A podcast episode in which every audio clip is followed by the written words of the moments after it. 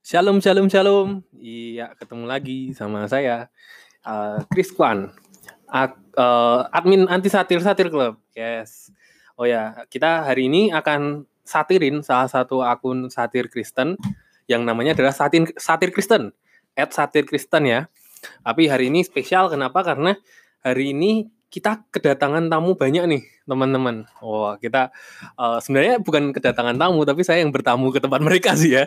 tapi uh, nggak apa-apa ini uh, apa bintang-bintang tamu kita yang uh, akan kita perkenalkan admin dari Reform Jawa ya, at Reform Jawa ya. Teman-teman yuk kita perkenalkan satu-satu dimulai dari Pak Raden dulu. Uh, halo halo, ini ini ini Raden salah satu adminnya dari Reform Jawa. Jadi di Reform Jawa tuh adminnya sebenarnya ada dua, tapi timnya ada banyak. Pengidenya di Reform Jawa tuh ada banyak. Ada Bang Miguel dari Revival gitu kan. Nanti Bang Miguel bisa menjelaskan dia anaknya Pak Isa Soru gitu. Ini yang spesial. Nih ada Lukas juga. Nanti Lukas bisa jelasin itu. Nih, nih ada Romeo juga nih. Anak dispen tapi ikut Reform. itu. Halo, aku Lukas. Aku salah satu admin dari Reform Jawa uh, temennya anti satir satir klub. Kita di sosial media apa ya satu koalisi. Ya senang berjumpa di podcast ini. Halo saya Romi. Saya anggota kelompok ya dari Reformer Jawa ya. Teman dari anti satir satir klub terima kasih. Segitu saja Halo, saya uh, Miguel. Saya termasuk tamu yang tidak diundang sebenarnya. Cuman cuman diundang saja di Reform Jawa. Ya halo semuanya lah.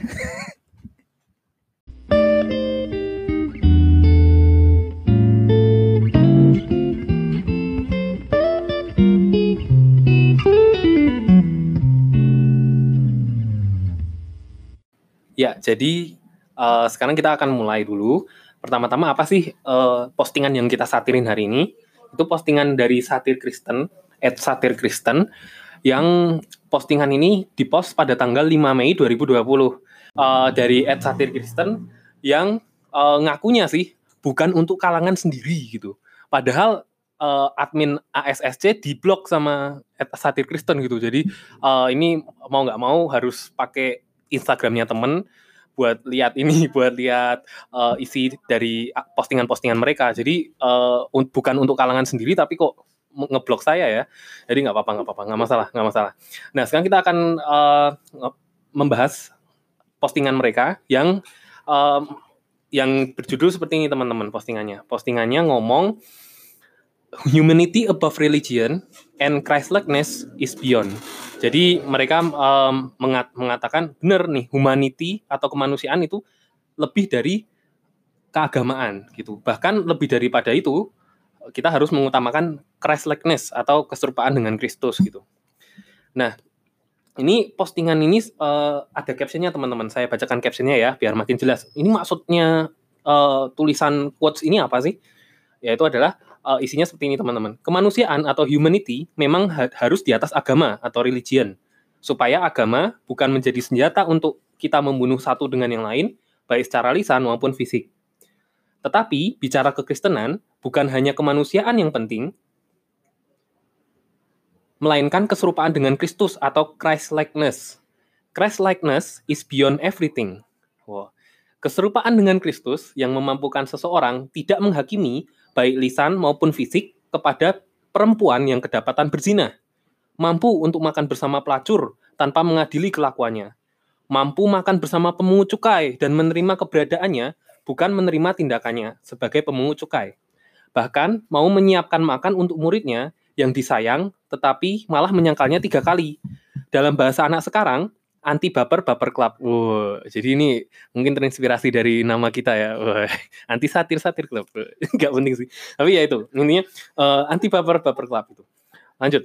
Jangan karena pandai dalam teologi lalu kamu menghilangkan rasa kemanusiaan dan menganggap golongan tertentu hina dan tidak layak ditolong dan dikasihi.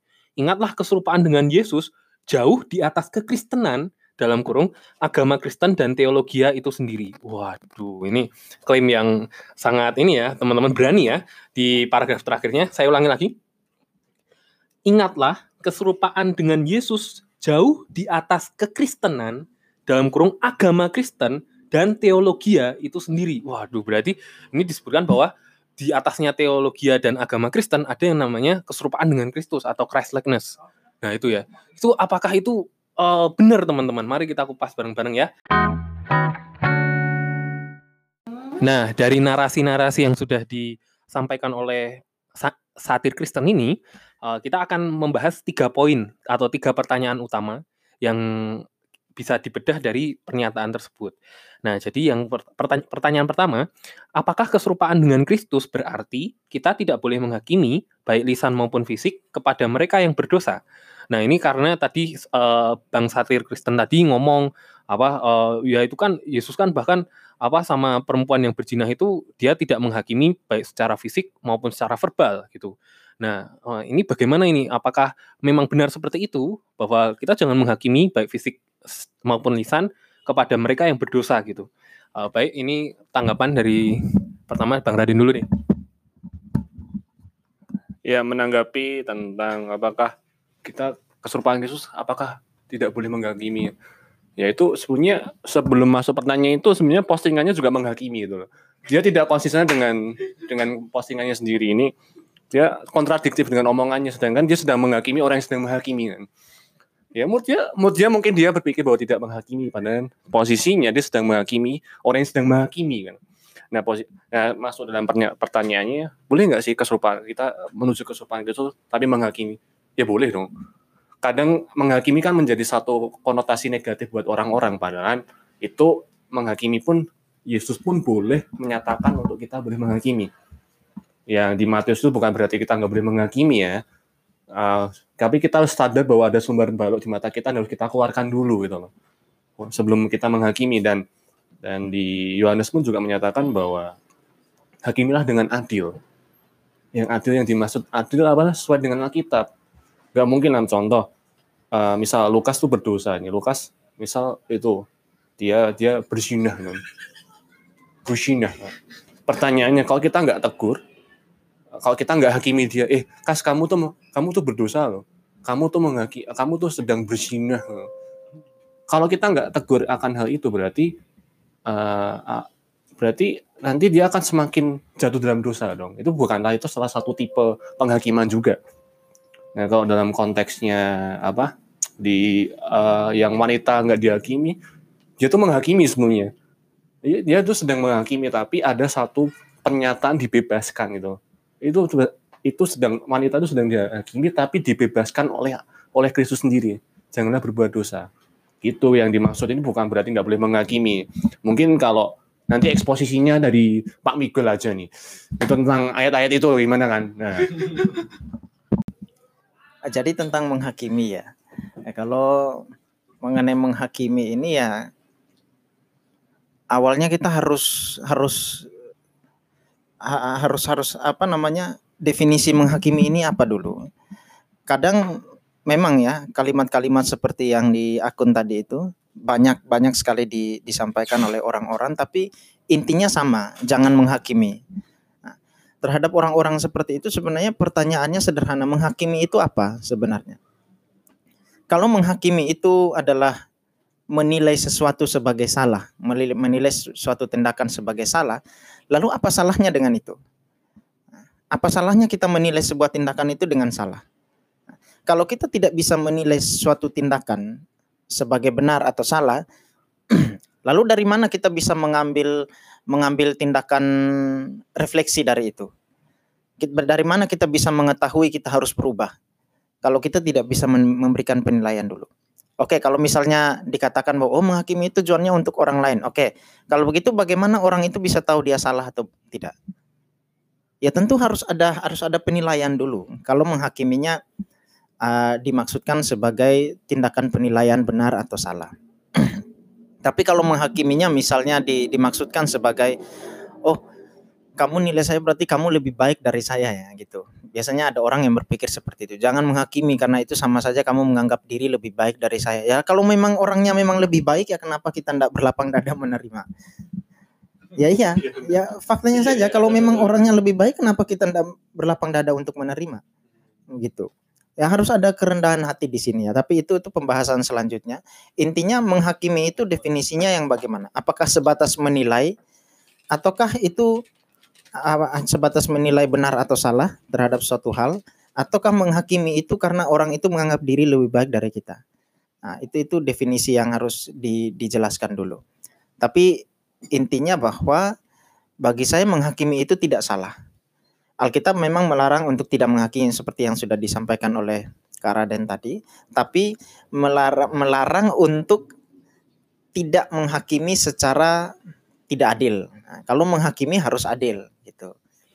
Uh, menanggapi tadi menying, uh, menarik ketika disinggung tentang seorang wanita yang di, ditangkap berzina dan kemudian akan dihakimi orang-orang.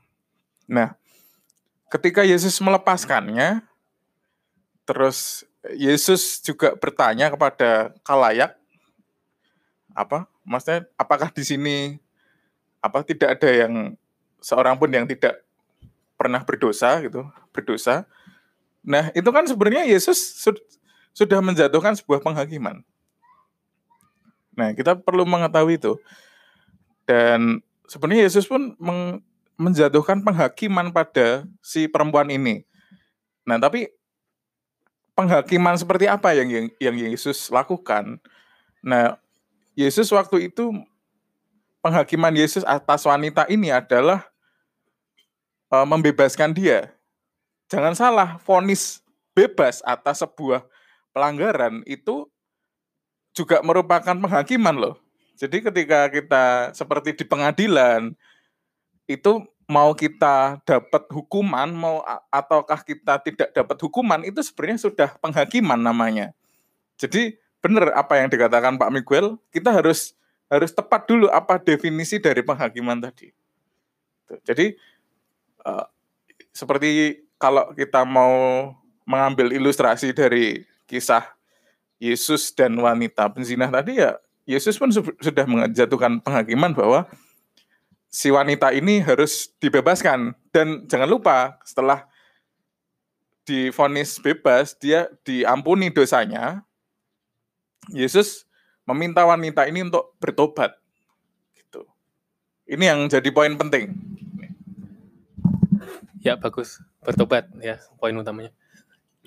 Ya, baik kalau begitu uh, juga ini saya mau menambahkan dari uh, Yohanes 7 ayat 24 tadi yang sudah dimention sama Pak, Pak Raden dan teman-teman. Ini janganlah menghakimi menurut apa yang nampak, tetapi hakimilah dengan adil. Yohanes 7 ayat 24. Jadi uh, memang penghakiman itu boleh, tapi memang harus adil berdasarkan firman Tuhan. Seperti itu.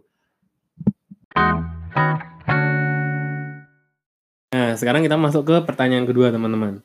Mengapa orang yang pandai dalam teologi cenderung menganggap golongan tertentu hina dan tidak layak ditolong atau dikasihi? Nah, ini dari pernyataannya di akun uh, satir tadi yang di paragraf terakhir yang ngomong jangan karena pandai dalam teologi lalu kamu menghilangkan rasa kemanusiaan dan menganggap golongan tertentu hina dan tidak layak ditolong dan dikasihi. Nah, itu kan berarti memang kesannya memang ada uh, beberapa orang yang pandai dalam teologi yang cenderung menganggap golongan tertentu hina, nggak layak ditolong atau dikasihi. Atau jangan-jangan ini cuma tuduhan yang nggak berdasar gitu, yang didasari oleh stigma kepada orang-orang yang pandai teologi tadi. Uh, ayo, ayo, ayo, ayo, ayo, gimana, ayo? Apakah itu stigma Anda? Nah, mari kita uh, bahas teman-teman, uh, terutama dari yang teologian dulu. Yuk, dari silakan. Ya, berkaitan dengan tadi katanya orang teologi itu cenderung menghakimi ya dan tidak menghargai dari sisi kemanusiaan. Nah, pertanyaannya kalau kita mau memulai dari kemanusiaan, kita kan harus tahu posisi kita sebagai manusia yang berdosa. Ini perlu kesadaran penting bahwa kita ini adalah manusia yang berdosa. Kalau kita lupa ini dasar, malah menjadi bahaya seperti bumerang akan kembali ke kita menyakitinya lebih luar biasa. Nah, kalau mau dibilang kat, dalam tanda kutip orang teologi ini kok menghakimi ini itu dan seba, sebagainya begitu ya. Seakan-akan menghakimi. Nah, sebenarnya tidak. Kita malahan memberikan jawaban-jawaban yang memang kalau ini salah, ya itu salah. Jangan apa seakan-akan kayak oh ini ini betul-betul menghakimi gitu. Ini betul-betul oh udah mentang-mentang udah sekolah teologi gitu terus menghakimi. Lah malahan kita sekolah teologi itu untuk menghakimi Anda itu. Ayo, untuk kita menghakimi. Sekolah teologi itu buat kita menghakimi Anda-Anda itu. Demikian pula sekolah hakim ya. Iya, loh. itu iya ya, betul ya, Pendeta Lukas ya. Iya. Jadi kita Nah itu kan sep- seperti layaknya sekolah hukum ya. Sebenarnya nggak ada yang salah. Maksudnya ketika orang sekolah hukum, pada akhirnya kan dia akan memberikan sebuah judgement atas sebuah kasus hukum misalnya. Atau misalnya dalam kasus yang lain, bahkan mungkin ilmu eksak misalnya kayak ilmu fisika lah atau kimia lah dan yang lain-lain kan ketika kita belajar ilmu tersebut pasti ketika terjadi fenomena-fenomena atas apa ilmu dalam apa ilmu tersebut pasti kita kan akan menjatuhkan sebuah vonis kan ju- judgement apa pun itu berdasarkan analisa yang sudah kita pelajari dan itu normal normal itu. Ya itu misal itu kenapa ada ayat-ayat di Alkitab mengatakan ah selumbar di mata saudaramu kamu dapat lihat balok di matamu tidak. Lalu kemudian besi menajamkan besi itu kan emang ada tujuannya ya. Emang kita belajar teologi itu ya untuk memberitahu hal demikian itu salah bukan berarti kita malahan kalau kita tidak menghakimi itu malah berbahaya juga malah dia bisa berputar-putar terus dalam kesalahan itu. Nah, tapi ketika kita memberitahu itu, pasti ada yang namanya solusi. Tidak hanya kita menjatuh, menjatuh, menjatuhkan gitu. Nah, tujuan kita tahu kebenaran itu supaya kita bisa berdiri. Jangan kita tahu kebenaran terus kita oh ya udah ini namanya dosa putih atau dosa yang lain jadi tidak usah kita kompromi. Enggak, malah kita udah tahu gitu seperti tadi itu. Ya, kita untuk menghakimi itu juga harus seperti itu karena kita sudah tahu yang namanya kebenaran seperti itu. Mungkin Bapak Miguel bisa memberikan tanggapan. Umpan. Sila, sila. Eh, baik, kalau kita jadi seorang teologi jangan atau teologian jangan menghakimi ya. Ya seperti yang sudah disampaikan oleh Karomi memang ya memang karena ketika kita belajar teologi ya kita berusaha untuk eh, mempelajari tentang Allah dan kebenaran-kebenarannya. Nah, konsekuensi dari kita mempelajari kebenarannya berarti kita bisa tahu mana yang salah. Dan kalau kita sudah tahu mana yang salah lalu kita tidak me- menyatakan ini salah, ini benar kan tidak bagus juga. Nah, mungkin apa yang dialami oleh si penulis akun itu, mungkin itu dia berhadapan dengan uh, beberapa orang ya, beberapa ini mungkin dia bertemu dengan beberapa orang atau mungkin dia membaca karya dari beberapa orang teologi teologian yang mungkin seperti itu ya.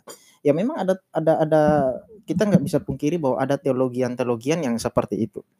Pada zaman Yesus pun ahli-ahli Taurat pun seperti itu mereka. Jadi kepandaian seorang dalam hal teologi itu bukan bukan menjadi satu pengesahan bahwa apa yang ah, bahwa dia akan selalu benar, bahwa perbuatannya akan benar gitu. Enggak juga. Jadi kita nggak bisa serba generalisasi seperti itu. Enggak. Kepandaian itu bukan ukuran. Tapi bagaimana ketika seorang teologian yang baik, ketika dia mempelajari teologi, betul-betul teologi itu punya dampak dalam dalam kehidupannya. Otomatis ketika dia mempelajari teologi, dia harus menghakimi seperti yang tadi disampaikan Karomi. Pasti dia harus memberikan penghakiman di situ. Oh ini benar, ini salah, ini benar. Kalau dia tidak bisa memberikan penghakiman, bagaimana dia bisa mengarahkan? Tidak bisa. Itu harus terjadi. Jadi ketika seorang teolog, seorang teolog yang benar, ketika dia mempelajari kebenaran, dia bisa tahu dirinya seperti apa, dan dia bisa mengoreksi dirinya. Kemudian dia juga bisa melihat orang lain seperti apa dan mengoreksi orang lain. Memang itu tugas dari teologian seperti itu. Mantap. Eh, jadi ini eh, saya mau nambahin lagi terakhir eh, sebenarnya itu juga benar seperti yang dikatakan teman-teman tadi bahwa eh, kita belajar kebenaran, kita teologi itu berarti kita mengenal Allah, makin mengenal Allah, makin mengenal Allah kita makin mengerti yang benar dan dengan kita makin mengerti yang benar, maka kita akan bukan cuma memberi penghakiman tapi juga menghakimi dengan adil dan kasih. Jadi kita mengasihi eh, mengasihi dengan cara sharing kebenaran tersebut gitu. Dan ketika kita sharing kebenaran tersebut, kita pingin supaya teman-teman itu eh, mengerti kebenaran dan datang kepada kebenaran itu gitu.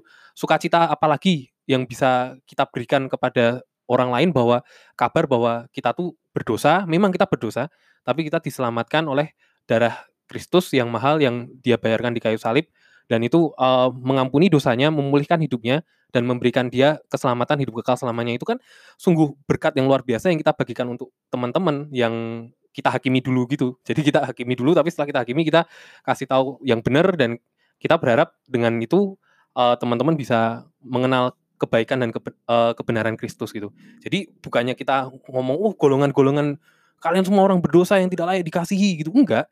Memang iya, tapi tapi pada akhirnya kalian dikasih oleh Yesus Kristus gitu. Ada kebenaran, ada Injil yang diberitakan di situ. Jadi kita nggak nggak menghakimi dengan jahat, tapi menghakimi dengan kasih dan dengan adil gitu. Nah ini pertanyaan nomor tiga. Ini eh, apakah benar Christ likeness atau keserupaan dengan Kristus jauh di atas Christianity kan tadi beyond ya. Eh, agama Christianity ini tadi dideskripsikan dengan agama Kristen dan teologia. Jadi apakah keserupaan dengan Kristus itu begitu di atas, diutamakan, dilebihkan dibandingkan agama Kristen dan teologia? Nah ini bisa dibahas dulu. Silakan. Ya untuk menjawab pertanyaan ketiga itu, sebenarnya logikanya juga itu rip logika ya. Ya kayaknya logikanya juga salah gitu loh. Eh, sebelum masuk itu deh, ini kan quote-nya tuh humanity above religion and Christ likeness is beyond. Ya sebenarnya logika kita pisah ya. Hum- Humanity above religion itu adalah logika orang ateis ya. Kalau pengen sadar itu bahwa kekristenan bukan kekristenan sih, keateisan di di luar negeri terutama itu pasti mengede- mengedepankan humanity di atas religion karena mereka nggak percaya agama, mereka nggak percaya Tuhan, mereka lebih yang penting tuh bermoral dan sebagainya. Jatuhnya kan moralitas kan humanity itu kan, itu yang jadi harusnya kalau kita sadar itu adalah logikanya orang ateis. Nah, eh, untuk menjawab itu kekristenan eh, apa kesopanan itu kesopanan Kristus lebih jauh daripada kekristenan. Nah, ini juga konyol dan kekristenan spesifiknya agama Kristen dan teologi ya. Nah, yang jadi bahaya yang kamu sebutin itu juga teologi gitu loh. Berarti nggak konsisten juga kamu tuh loh. Berarti kamu sedang menyebarkan statement, padahal statementmu juga teologi. Itu jadi gimana itu? Logikanya gimana? ya? Kan bingung kan? ya? Makanya itu ini kamu sedang menyebarkan statement dan statement itu juga teologi dan kamu sedang ngonter teologi berarti kamu sedang mengonter statementmu sendiri. Ini kan sangat tidak konsisten kan gitu. Iya kan? Ini kan konyol itu. Dan apalagi kalau di dalam Alkitab sendiri, di dalam Kristenan sendiri, tidak bisa dipisahkan juga gitu loh. Itu bukan dua hal yang terpisahkan gitu loh. Ya kekristenan pasti di dalamnya ada kesukaan Kristus. Yang namanya kesukaan Kristus pasti kamu Kristen gitu loh. masa, masa, masa kamu nggak Kristen? Eh, mengenai apa Christ likeness dan agama Kristen dan teologi Kristen. Ada seorang eh, tokoh Kristen, dia berkata begini, kalau setiap orang Kristen itu pasti seorang teologian. Karena ketika seseorang memiliki satu konsep tentang Allah, entah itu konsepnya berasal dari mana pun, secara tidak sadar dia sudah membangun teologianya sendiri. Dan konsekuensinya adalah dia akan hidup berdasarkan apa yang dia paham itu. Jadi hidupnya seseorang itu berdasar ber- bergantung pada konsep yang dia miliki. Kalau begitu maka kita bisa menarik lebih jauh gini. Bagaimana kita bisa mencapai suatu Christ likeness ya, suatu apa nih, suatu keserupaan dengan Kristus? Kalau kita tidak punya konsep Kristus itu yang bagaimana? Lalu kita mau serupa apanya? Jubahnya mungkin Pak ya. Putih-putih. Misalnya saya, saya misal misalnya lah ya. Kalau kita nonton film kungfu lah, itu film kungfu Cina itu Kan mereka punya banyak jurus itu, entah jurus belalang lah. Nah, bagaimana mereka bisa menyerupai belalang atau kalau kita sendiri tidak tahu apa itu belalang? belalang itu seperti apa? Kan seperti itu. Kita harus punya konsep dulu tentang Kristus itu seperti apa. Teologianya harus ada dulu. Baru Christ likeness-nya tercapai. Kalau kita tidak punya satu standar tertentu ya bagaimana kita mau menyerupai itu? bagaimana analogi gini, kalau kita mau uh, memisahkan antara keduanya, sama saja seperti kita mengatakan begini, kita mau jadi warga yang taat hukum tanpa kita mau tahu hukum. Lah itu bagaimana? Tidak bisa itu. Kita bisa jadi warga yang taat hukum kalau kita tahu hukum. Kita bisa jadi orang yang taat pada Kristus, serupa dengan Kristus maksudnya dalam agama dalam kekristenan seperti itu. Kita bisa jadi orang yang taat dengan Kristus kalau kita tahu Kristus itu yang bagaimana. Nah, teologi kita pasti membatasi bagaimana perilaku kita. Tidak mungkin tidak. Jadi kalau Christ likeness-nya itu melampaui dari teologi itu, saya rasa itu konyol sekali itu pernyataan seperti itu. Karena tidak mungkin. Tidak mungkin seorang bisa men, uh, punya keserupaan dengan Kristus melampaui apa yang dia pahami. Tidak mungkin.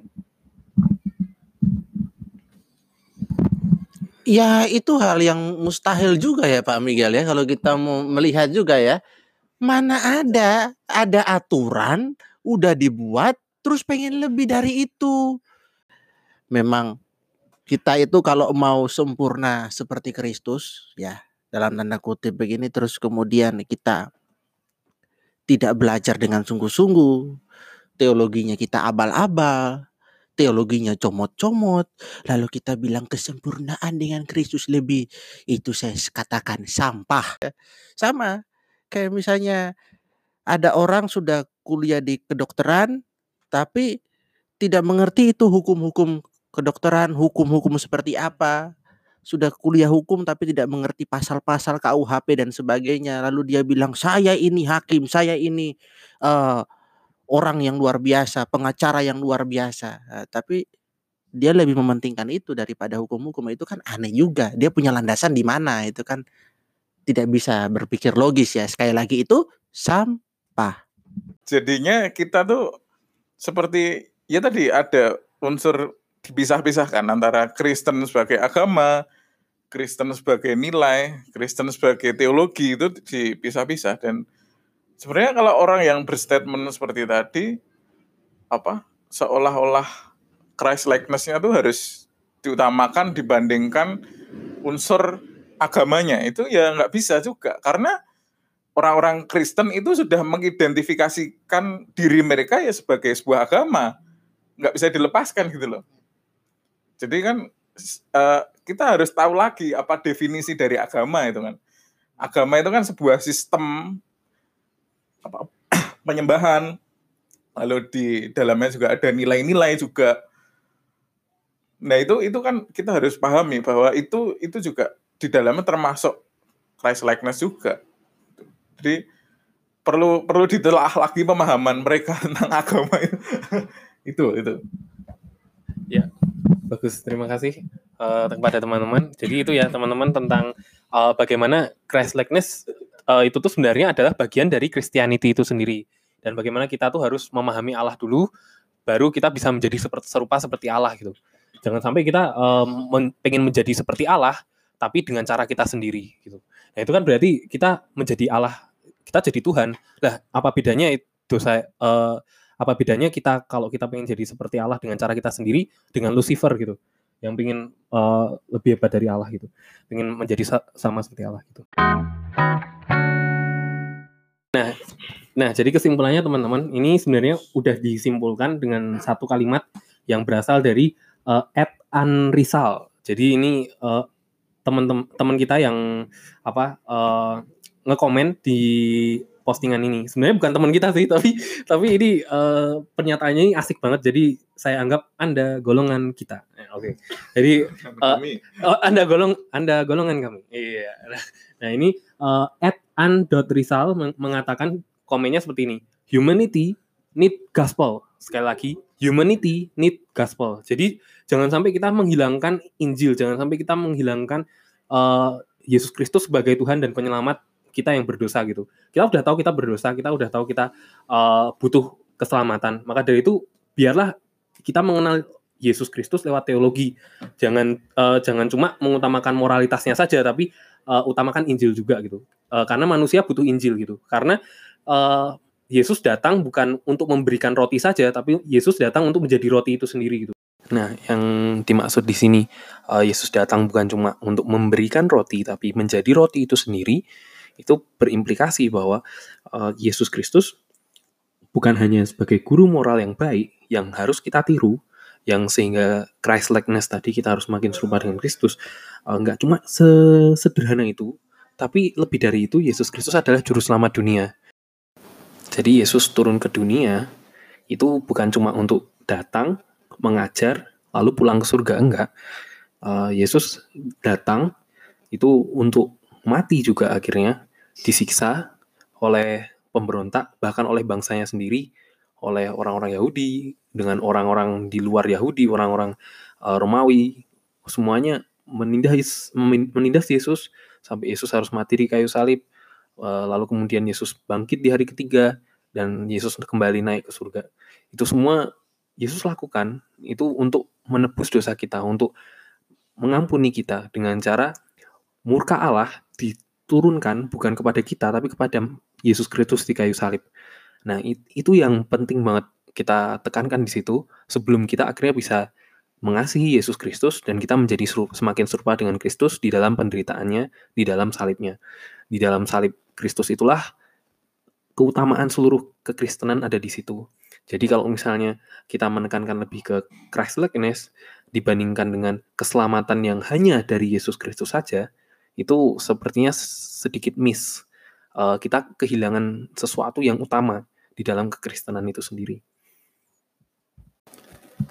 Bahkan penyalipan Kristus yang brutal, yang sungguh keji, penyiksaan yang begitu dahsyat, dan ejekan dan penghinaan yang begitu hebat yang Yesus alami itu membuktikan bahwa manusia itu sangat jahat.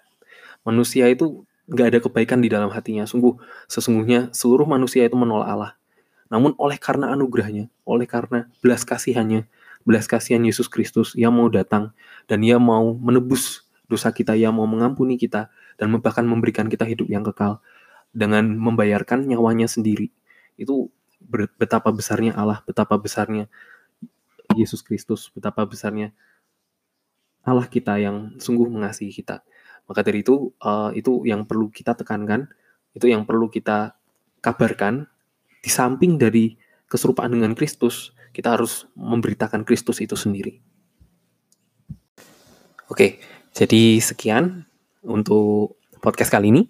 Terima kasih teman-teman udah mau stay tune, udah mau dengerin dari awal sampai akhir. Maaf kalau panjang, ya ini adalah podcast terpanjang tapi kita berdoa supaya sungguh-sungguh bisa jadi berkat buat teman-teman, teman-teman bisa dengerin sampai akhir dan sungguh ada anugerah, ada Injil yang teman-teman bisa bawa kepada teman-teman dari teman-teman. Oke, oke Tuhan berkati teman-teman. Uh, tetap semangat kabarkan Injil. Tuhan Yesus memberkati.